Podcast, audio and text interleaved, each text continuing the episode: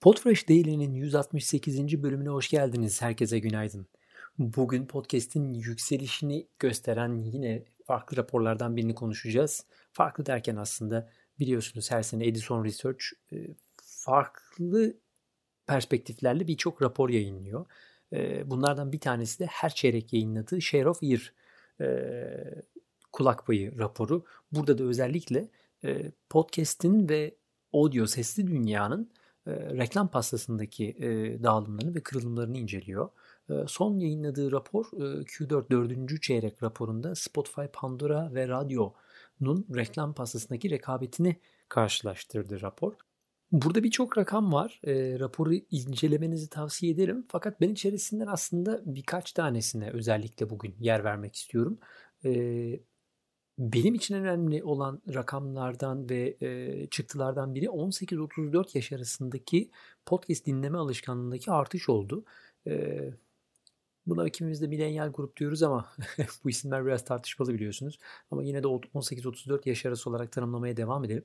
E, bu yaş grubundaki e, podcast Pandora ve Spotify dinlemesine e, incelemişler. E, bu arada bu bilgiyi verirken şunu söylemekte fayda var.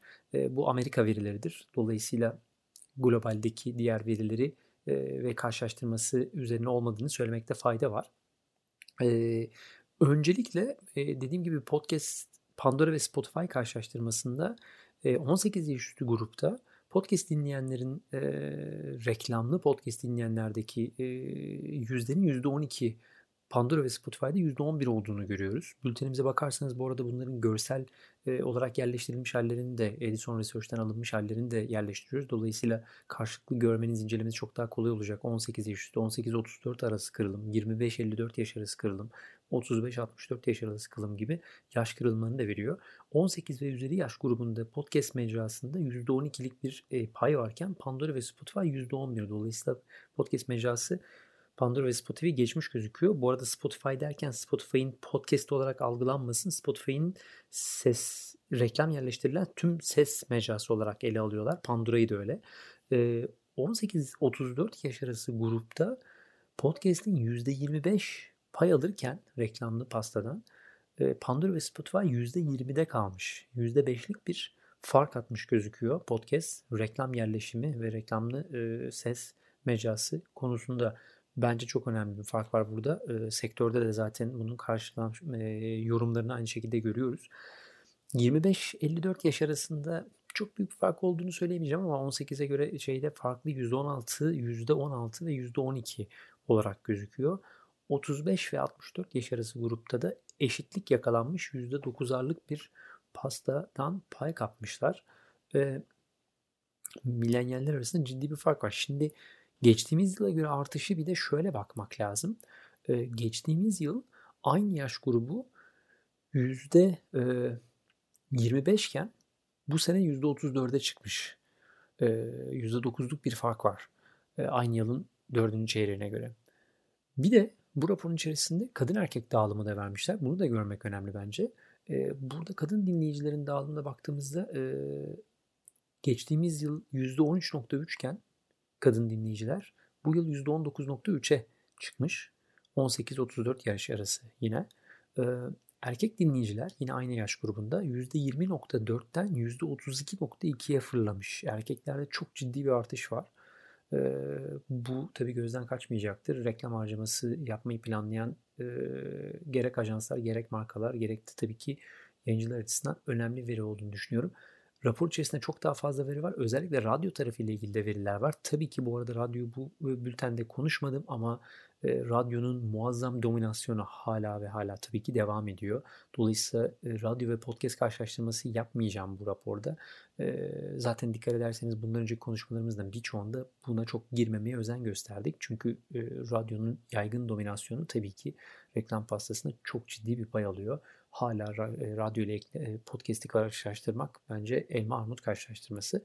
Ama tabii her yıl podcast mecrasındaki artışı da sabit olarak %20, %19 civarlarında e, olduğunu düşünürsek burada çok sabit ve oturmuş bir büyümeden bahsediyoruz. Ama bu özellikle yaş grupları arasındaki geçtiğimiz yıl oranla değişim oldukça ilginç.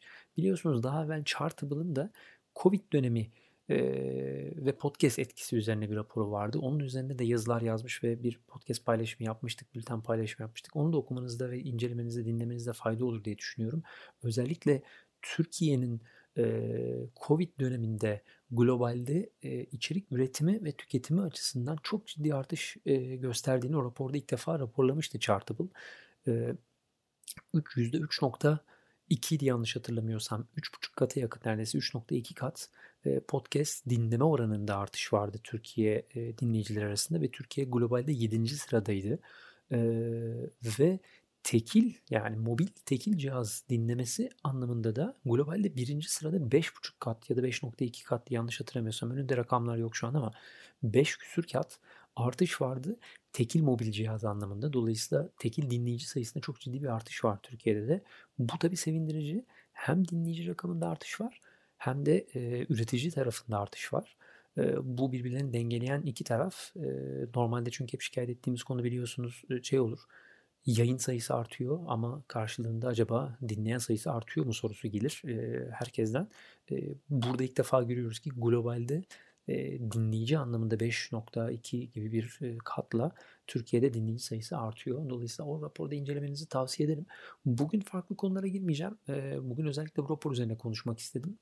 Bültenimizde de dediğim gibi bu raporların ve e, chartları bulabiliyor olacaksınız. Karşılaştırmaları bulabiliyor olacaksınız. E, umarım buradan da faydalanıyor olursunuz diyelim. Bugünlük bizden bu kadar. Yarınki bültenimizde görüşmek üzere.